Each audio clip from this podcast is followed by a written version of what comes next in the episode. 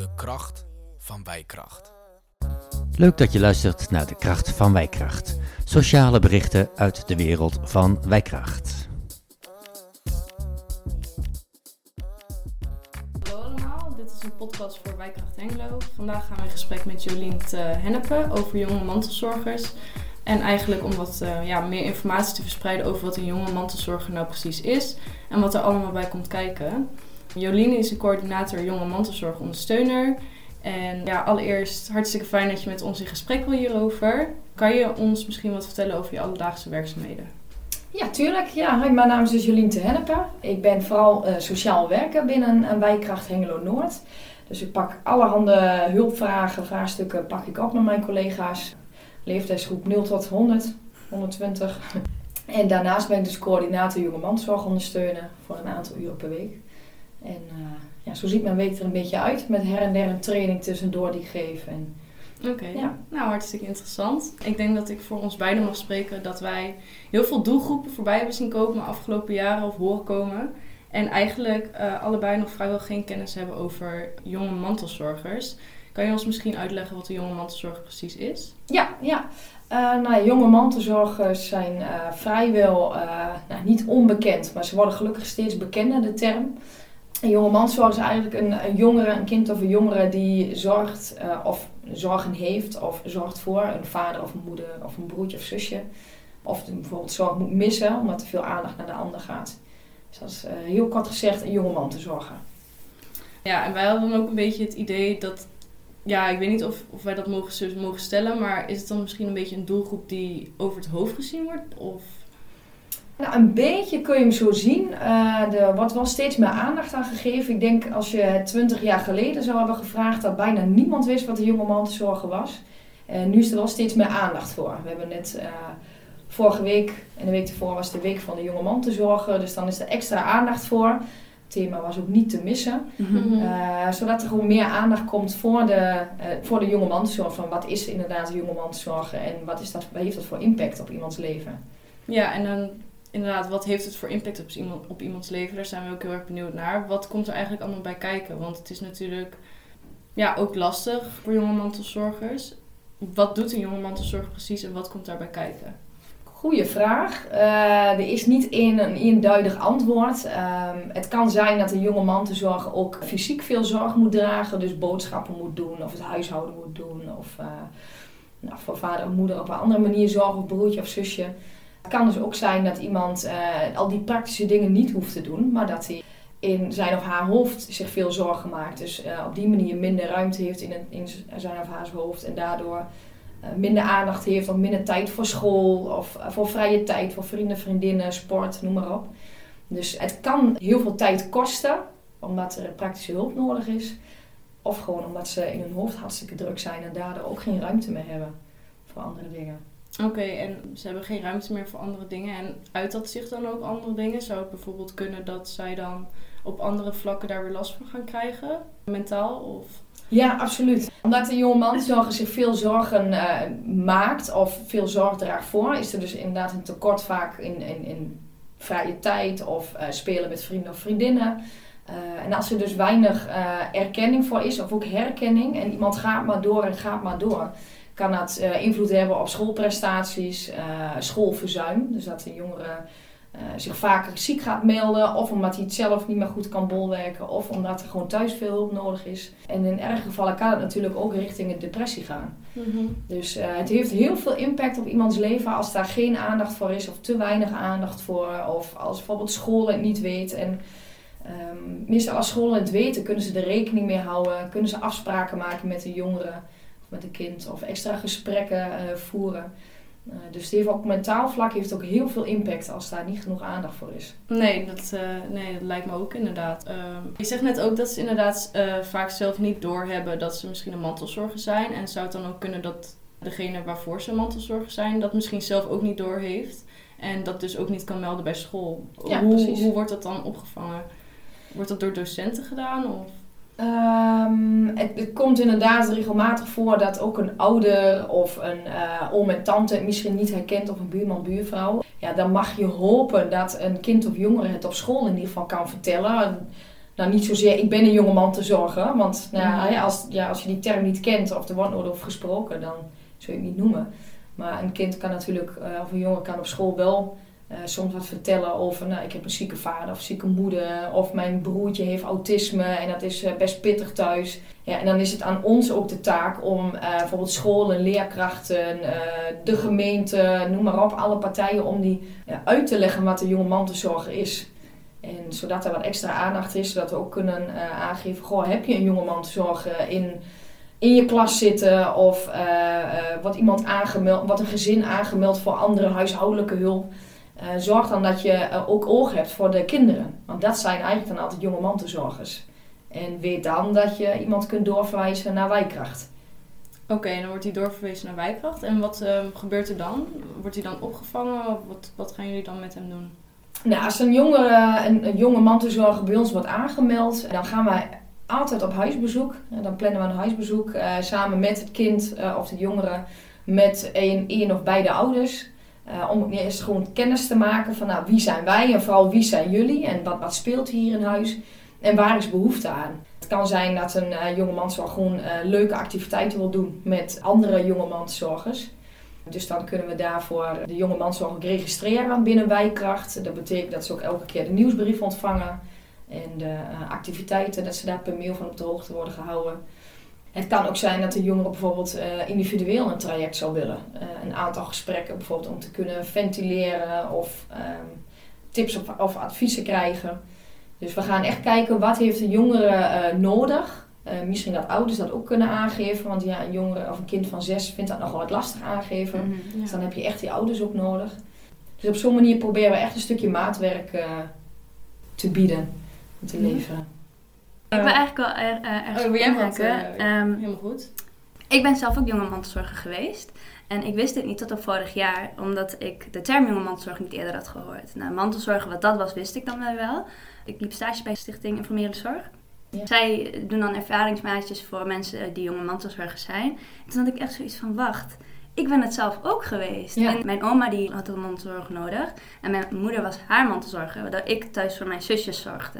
Ja. Maar ja, dat was zo natuurlijk dat ik helemaal niet stilstond bij het feit van... hé, hey, ik ben zelf ook een jonge mantelzorger. En Ja. jaren later ben ik hier achter gekomen. En dat was voor mij echt dat ik dacht van... oh, weet je, dit is voor mij echt een doelgroep waar je helemaal niet bij stilstaat. ja, terwijl je het zelf bent geweest Ja. inderdaad. Ja. Zien jullie dat ook? Dat ehm, kinderen zelf eigenlijk niet weten dat eigenlijk ouders dat bijna moeten signaleren? Ja, ja, eigenlijk altijd is het, eh, komt het vanuit de ouders of vanuit school. Mhm. Eh, en vooral bij de wat jongere kinderen, ja, die noemen, ja, bijvoorbeeld ik heb een ziek, ziek zusje of een, eh, Ja, een broer met, nou, noem maar iets. En ja, zelf is het, het is heel normaal voor hun. Mhm. Dus Ja. ze zien het ook niet als een, een probleem of als een Mm-mm. ding. Maar je hoort van ouders soms van, goh, ja, we vinden het eigenlijk ook sneu. Want er gaat heel veel tijd en aandacht naar de broer of zus. Ja. En eh, minder aandacht naar eh, de jonge man te zorgen. Terwijl ouders ook vaak, die willen wel veel meer. Maar er is Mm. gewoon niet meer tijd of, of energie. nee. Dus Ja, en dat herkende ik dan inderdaad met mijn ervaringsmaatje waar ik dan eh mee stage liep. Zij had zelf ook inderdaad een broer die extra aandacht nodig had. En eigenlijk ben je dan al een jonge mantelzorger, Ja. inderdaad bij gebrek aan aandacht. ja, Dus je hoeft Ja. niet per se zorgen voor, maar inderdaad wat u aan het begin ook al zei, zorgen om, valt ook in die term. ja, zorg om of zorg moeten missen. Ja, In die zin, ja. Heb jij dat zelf als lastig ervaren? Heb jij daar, hè, heeft dat impact gehad op jou? Of? Goeie vraag. Ehm, nee, het enige wat ik dan echt heb gemerkt aan mezelf is dat ik heel vroeg volwassen ben geworden. Ja. Ik was destijds 14 en mijn zusje, die ene was dan 13 en die andere was 6.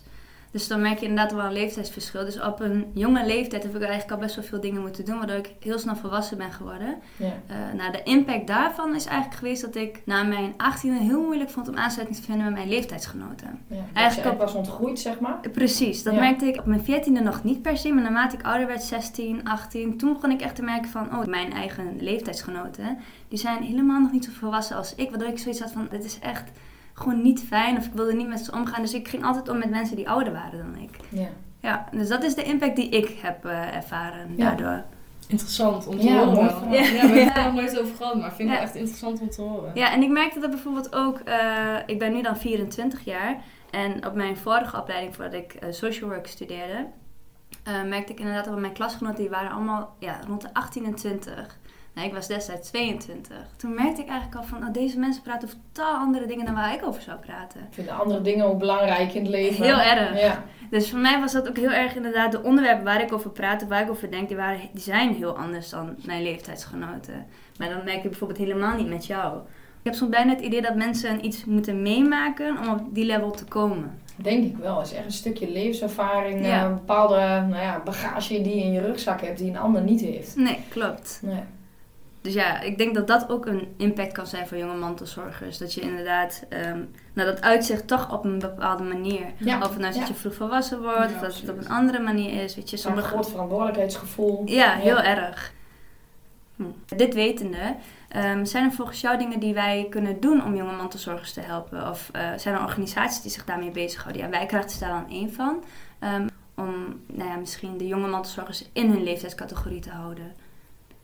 Ehm, ja, binnen Hengelo is dat echt wijkracht die dat doet. Mhm. Eh, om te zorgen dat, eh, dat ze met hun eigen, ja, ik- het is raar om te zeggen lotgenoten, maar met eigen, eh, de andere jonge mantelzorgers kunnen praten over ervaringen, ervaringen uitwisselen van, goh, heb- Mhm. ja, hoe gaat het bij jou dan thuis en hoe is dat voor jou? En dat zie je ook al bij jonge kinderen van 7, 8, die praten, die kunnen ook al heel open over praten Ja. met elkaar. Op een hele andere manier als hoe andere leeftijdsgenoten dat doen. Eh, dus binnen Hengelo is het echt wijkracht die, eh, die probeert de jonge mantelzorgers te, te vinden eh, en te verbinden met elkaar. Mhm. Ehm, ja, je hebt natuurlijk regionaal zijn er eh, veel meer andere, elke gemeente heeft wel de jonge mantelzorgondersteuning. Ja. Dus ja, Je gaf net ook al een paar keer aan dat er wel het een en ander wordt gedaan. Zoals afgelopen week is dan de Week van de Jonge Mantelzorg geweest. Wat wordt er verder nog meer gedaan? En wat zou er anders moeten of wat zou misschien meer moeten volgens jou? Eh, nou, die Week van de Jonge Mantelzorg, dat is echt een landelijke campagne. Dus die is in heel Nederland is die, eh, tegelijkertijd uitgevoerd. En ehm, nou, binnen Wijkracht hebben we dan de ontspanningsactiviteiten en individuele eh, ja, trajecten, noem maar. Maar we zijn nou ook bezig met eh cursus ontwikkelen voor jonge mantelzorgers. En ehm, de ervaringsmaatjes waar je al over sprak, dat willen we het liefst volgend jaar ook zelf gaan uitvoeren. Dus daar zijn we nou Mhm. ook volop mee bezig. Dus zo proberen we op zoveel mogelijke manieren, eh, verschillende manieren, eh, aan te sluiten op de behoeften van jonge mantelzorgers. Ja, nee, heel goed. En Ja. waar bestaan die cursussen dan bijvoorbeeld uit? Wat kunnen ze verwachten? Goeie vraag. Mijn eh, collega die heeft, eh, ehm, Claudia uit Midden, die heeft een cursus gevolgd via het Trimbos Instituut. En die wil die samen met een collega van mij, die ook jonge mantelzorgconsulent is, wil ze die helemaal gaan aanpassen. Zodat die passend is voor jonge mantelzorgers. Eh, eigen grenzen aangeven, hoe ga je ermee om? Nou, je, je verhaal kwijt kunnen. Dus dat, eh, maar die is nog helemaal in ontwikkeling. Dus oh, dat duurt nog wel even. ja, voor hetzelfde geld is die over twee, drie Ja. maanden klaar. Maar hoe die Mhm. inhoudelijk, ja, daar heb ik nu nog mooi even afstand van genomen. Ja, als coördinator kun je wel veel eh, Ja. dingen doen, maar die mag ik gelukkig ook die een beetje kunnen afschrijven. Ja. Dus daar kan ik je inhoudelijk niet zo heel veel over vertellen. Nou, wordt aan gewerkt. Ik vroeg me nog af, ehm, zijn er ook dingen die je graag anders zou willen zien? Of ehm, hoe zou er volgens jou misschien nog meer aandacht voor jonge mantelzorgers kunnen komen? Oeh, dat is, een, hele, ja, dat is een hele goede vraag. Ik denk voor nu, eh, nu we dan net dit jaar binnen Wijkracht mee zijn gestart, dat we al een heel mooi eh, begin hebben gemaakt. We hebben het hele bestand toen overgenomen van steun met informele zorg van JMZ Go. En we hebben het hele bestand iedereen nagebeld om eens kennis te maken en te kijken van joh, eh, ben je nog een jonge man te zorgen? Is er iets veranderd in je situatie? Heb je nog Mhm. behoefte aan ondersteuning of activiteiten? En ehm, van de, de mensen die daarvan zijn overgebleven, de kinderen en jongeren, eh, daar hebben we er een aantal voor uitgenodigd in een soort van denktank. Eh zaten met vier, vijf eh, jongeren bij elkaar. Om eens te polsen van, goh, wat vinden jullie leuk qua activiteiten? Wat zou je nog willen doen? Dus we proberen heel erg echt in te steken op waar de behoefte ligt. Mhm. We dachten, ja, we kunnen als stel volwassenen kunnen wij gaan bedenken Ja. eh, van, goh, dat zal vast wel leuk zijn. maar, dus we proberen heel erg eh, op de behoefte in te spelen. Echt goed te polsen. eh, nou ja, wat zou jij willen? Wat vind je leuk? Ook qua activiteiten. Wat, nou, waar, waar ligt de behoefte? Dat hebben we ook telefonisch ook gepeild bij iedereen. Nou, en we weten ook na de scholing die we hebben gehad, dat cursussen en maatjes, dat er echt wel behoefte aan is. Eh, activiteiten individueel. En dat dat echt wel de belangrijkste dingen zijn. Maar wellicht komen in de loop van de tijd komen nog weer andere dingen naar voren. Horen kinderen wel eens wat zeggen over, goh, ik zou weer graag een keer op kamp willen. Dus ik denk dat we Ja. er volgend jaar weer eens naar gaan kijken. Ja, zo zal er denk ik elke keer wel wat nieuws voorbij komen. Maar het belangrijkste vind ik, en mijn collega's dat we echt gaan luisteren wat de, wat de jonge zoals wat hun willen. Ja, ik denk dat het ook in elk geval is dat natuurlijk ook weer heel anders. Wel heel fijn dat je dan inderdaad meedenkt met de doelgroep en hen mee laten denken. Want zo blijft het ook wel heel interessant voor ze, lijkt Mhm. mij. Ja, er zijn natuurlijk een aantal dingen die uit eh, verschillende onderzoeken naar voren zijn gekomen. Die Mhm. gewoon door alle jonge mansoorts worden beaamd. Zoals die, naar de activiteiten en de cursussen, dat soort dingen. Maar goed, om dan echt op wat, wat kleiner niveau te gaan kijken. Waar ligt dan die behoefte bij de activiteiten? Ja, daar kun je mooi de jonge manzorg zelf ook op ondervragen. Echt heel Ja. slim om gebruik te maken van de doelgroep. Ja, dan betrek je er echt bij. Ja. En eh, leer je ze nog weer beter kennen. Ja. En eh, ja, dus die verbinding ook weer wat, eh, wat anders. Dus. Merk je ook dat zij dat ook fijn vinden? Dat ze er eigenlijk zeg in hebben en het ook mee mogen sturen? Ja, ja, we merkten ook bij die, eh, eh, die kleine bijeenkomst die we hadden, dat ze met echt heel veel ideeën kwamen. En ook onderling, en ze, een aantal kenden elkaar ook al. Dus Ja. ja. ja, ze werden er zelf enthousiast van. En daardoor wij ook wel weer. En ook telefonisch dan, eh, eh, als je dan vraagt, dan eh, hebben ze allemaal, oh ja, want ik vind voetbal leuk en ik vind, eh, ik vind de clipbox leuk. Ja. En eh, als het maar lekker buiten is, Ja. dus dan, dan hoor je gewoon dat ze enthousiast worden van, oh wat leuk dat je dat aan mij vraagt. Je hoort dat eigenlijk soort van, eh, ja. En ze dus- worden echt betrokken in het proces. ja, Ik heb nog wel een, eh, een vraag. Ehm, en er wordt natuurlijk ontzettend veel gedaan voor jonge mantelzorgers. Maar stel nou, een jonge mantelzorger heeft van zichzelf door van... Goh, misschien behoor ik tot deze doelgroep. Eventueel na het luisteren van deze podcast. Ehm, waar kunnen ze dan terecht? Kunnen ze zelf contact zoeken? Of... Ja, een jongmanzorg kan zelf contact zoeken. Dat kan eh, of via de mail, jmz.wijkracht.nl. Ze kunnen bellen. Maar goed, hè, dat is vaak wel wat, wat ja, lastig om dan te gaan bellen. Omdat het best wel spannend kan zijn. Eh, het kan ook altijd eh, via school bijvoorbeeld. Dat ze aan de mentor eh, bijvoorbeeld vragen, dit aangeven. Dan kan de mentor contact zoeken. Eh, we hebben op de Wijkracht website hebben we ook een chatfunctie. Dus ze kunnen ook Oh. een berichtje bij de chat achterlaten. Ja, dat is top. Hè, dan zorgt degene die de chatfunctie die dag heeft, die zorgt dan dat het bij mij bij mijn collega's terechtkomt. Dus eigenlijk op verschillende manieren eh, eh, kan een jonge man zich bij ons aanmelden. Of via ouders, als ouders dat eh, Ja. willen doen. Nou, precies dat. En lekker laagdrempelig ook. Ja, Ja, precies. Ja. ik denk dat voor deze doelgroep dat wel heel belangrijk is. Sowieso, hoor, laagdrempelig is heel belangrijk natuurlijk. Want als je dan eenmaal om die eh, hulp gaat vragen Mhm. of, of ondersteuning gaat vragen, wat dan ook. Ja, dan moet je, dat is dan een hele drempel om overheen te Ja, stappen. Absoluut. Om hulp vragen is heel moeilijk. Ja, en als je dan ook via een hele ingewikkelde weg moet doen, Ja. ja. dan snap ik dat mensen ook wel weer ergens gaan afhaken misschien. Dus probeer het ook vanuit Wijkracht echt een beetje laagdrempelig. Een mailtje, een, eh, een belletje of een, eh, een chatberichtje sturen. Ja, Heel fijn. Mooi. En ehm, ik denk dat we, om dit allemaal nog even samen te vatten, nog graag willen weten van jou, even kort samengevat, waarom is extra aandacht voor eh jonge mantelzorgers nou zo belangrijk? Nou, extra aandacht is hartstikke belangrijk, omdat eh, jonge mantelzorg zichzelf niet, lang niet altijd herkennen, ook de omgeving niet.